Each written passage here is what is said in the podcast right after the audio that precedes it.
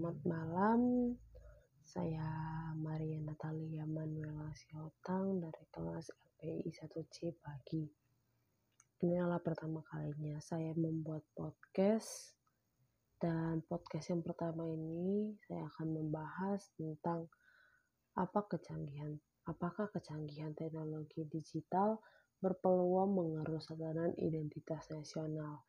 Yang artinya seperti apa dampak negatif dari teknologi digital terhadap identitas nasional. Identitas nasional itu seperti identitas diri kita, uh, filosofi negara sebagai kita warga negara Indonesia. Ada 10 identitas nasional yang kita ketahui. Yang pertama, bahasa nasional atau bahasa persatuan kita yaitu bahasa Indonesia bahasa yang kita pakai sehari-hari. Yang kedua, bahasa negara, bendera negara, yaitu sang merah putih. Yang ketiga, lagu kebangsaan kita, yaitu Indonesia Raya. Yang keempat, lambang negara kita, yaitu Garuda Pancasila. Yang kelima, semboyan negara kita, yaitu Bhinneka Tunggal Ika. Yang keenam, dasar negara kita, yaitu Pancasila. Yang ketujuh, konstitusi, konstitusi negara yaitu Undang-Undang Dasar 1945. Yang kedelapan bentuk negara kita yaitu Kesatuan Republik Indonesia yang berdaulat berdasarkan rakyat. Yang kesembilan konsepsi berwawasan Nusantara. Yang terakhir kebudayaan daerah yang telah diterima sebagai kebudayaan nasional. Ada banyak problem atau masalah yang umum berkaitan dengan identitas nasional pada saat ini terhadap khususnya terhadap kaum-kaum milenial atau kaum-kaum sekarang ini. Yang pertama itu identitas identitas Bhinneka Tunggal Ika. Banyak problem-problemnya. Yang pertama seperti diskrimina, diskriminasi, intoleransi, bullying, cekcok antar suku, agama, ras, yang seperti-seperti mengandung sara. Seperti merasa suku agamanya paling bagus dan merasa suku agama orang lain buruk adanya. Banyak faktor-faktor yang membuat itu terjadi. Ya, salah satunya seperti hoax. Hoax itu bisa menyebar itu seperti mencuci otak orang lain uh, seperti menyebarkan kebencian. Menyebarkan kebencian melalui sosial media sehingga uh, kita mendapat misalnya seseorang mendapatkan informasi itu padahal informasi itu salah sehingga dia bisa merasa agama orang lain, suku orang lain itu tidak lebih baik daripada sukunya ataupun agamanya. Sehingga sehingga bisa menciptakan percecokan. Padahal makna bineka tunggal ika itu sendiri yaitu berbeda-beda tetapi, tetapi tetap satu. Kita tetap satu orang Indonesia, kita tetap orang Indonesia yang, yang lahir di Indonesia sebagai warga negara Indonesia. Masalah atau problem yang selanjutnya itu adalah penggunaan bahasa Indonesia seperti identitas nasional yang pertama yaitu bahasa Indonesia adalah bahasa persatuan.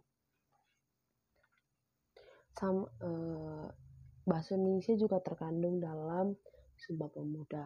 Yang ketiga, orang Indonesia pada umumnya atau untuk kegiatan sehari-hari tidak menggunakan bahasa Indonesia yang baku, tetapi tetapi masih bisa menggunakan bahasa Indonesia yang lancar dengan dengan aksen-aksen aksen-aksen daerah ataupun menggunakan slang-slang tertentu. Ada orang yang tidak bisa menggunakan bahasa Indonesia dengan lancar. Padahal dia sudah dia warga Indonesia, lahir di Indonesia, orang tua juga orang Indonesia, tetapi dia tidak bisa berbahasa Indonesia dengan lancar pada zaman sekarang hal itu sering kita lihat ataupun sering terjadi. Seperti hal itu bisa terjadi mungkin dari orang tuanya yang tidak tidak membiasakan menggunakan bahasa Indonesia di lingkungannya seperti di sekolah ataupun di rumah. Lingkup-lingkup orang-orangnya tidak terbiasa dengan uh, penggunaan bahasa Indonesia. Yang kedua itu hal itu juga bisa terjadi apabila uh, lingkup apabila orang tuanya tidak membiasakannya karena merasa bahasa Indonesia bahasa Indonesia itu bahasa asing itu tidak lebih baik daripada bahasa lebih baik daripada bahasa Indonesia.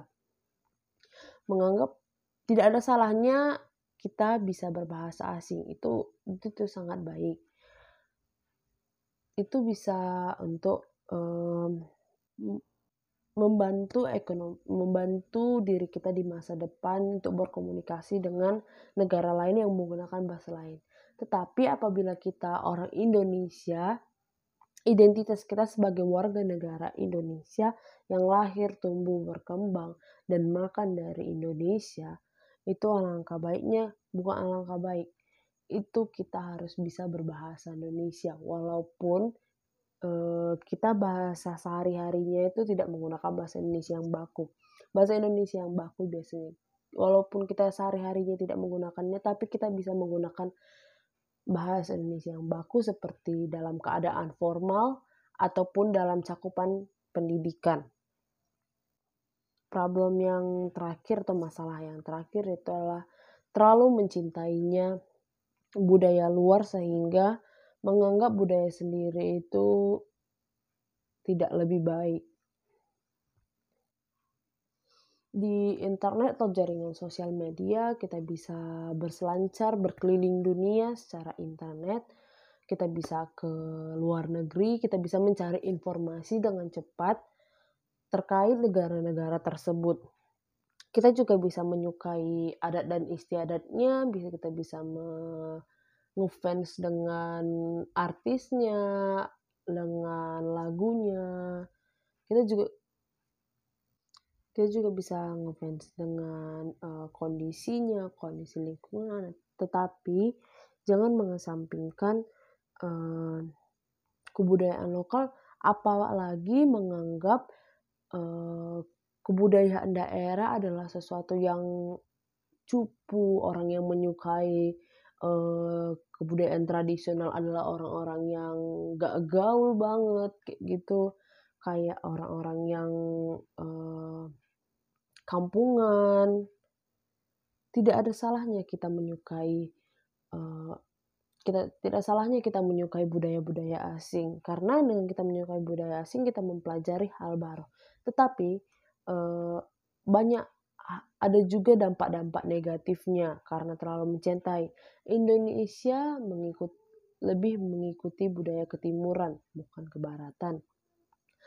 Banyak hal-hal yang berbeda dengan budaya-budaya kebaratan seperti cara berpakaian yang mereka bisa menggunakan pakaian yang terbuka di tempat-tempat mana pun.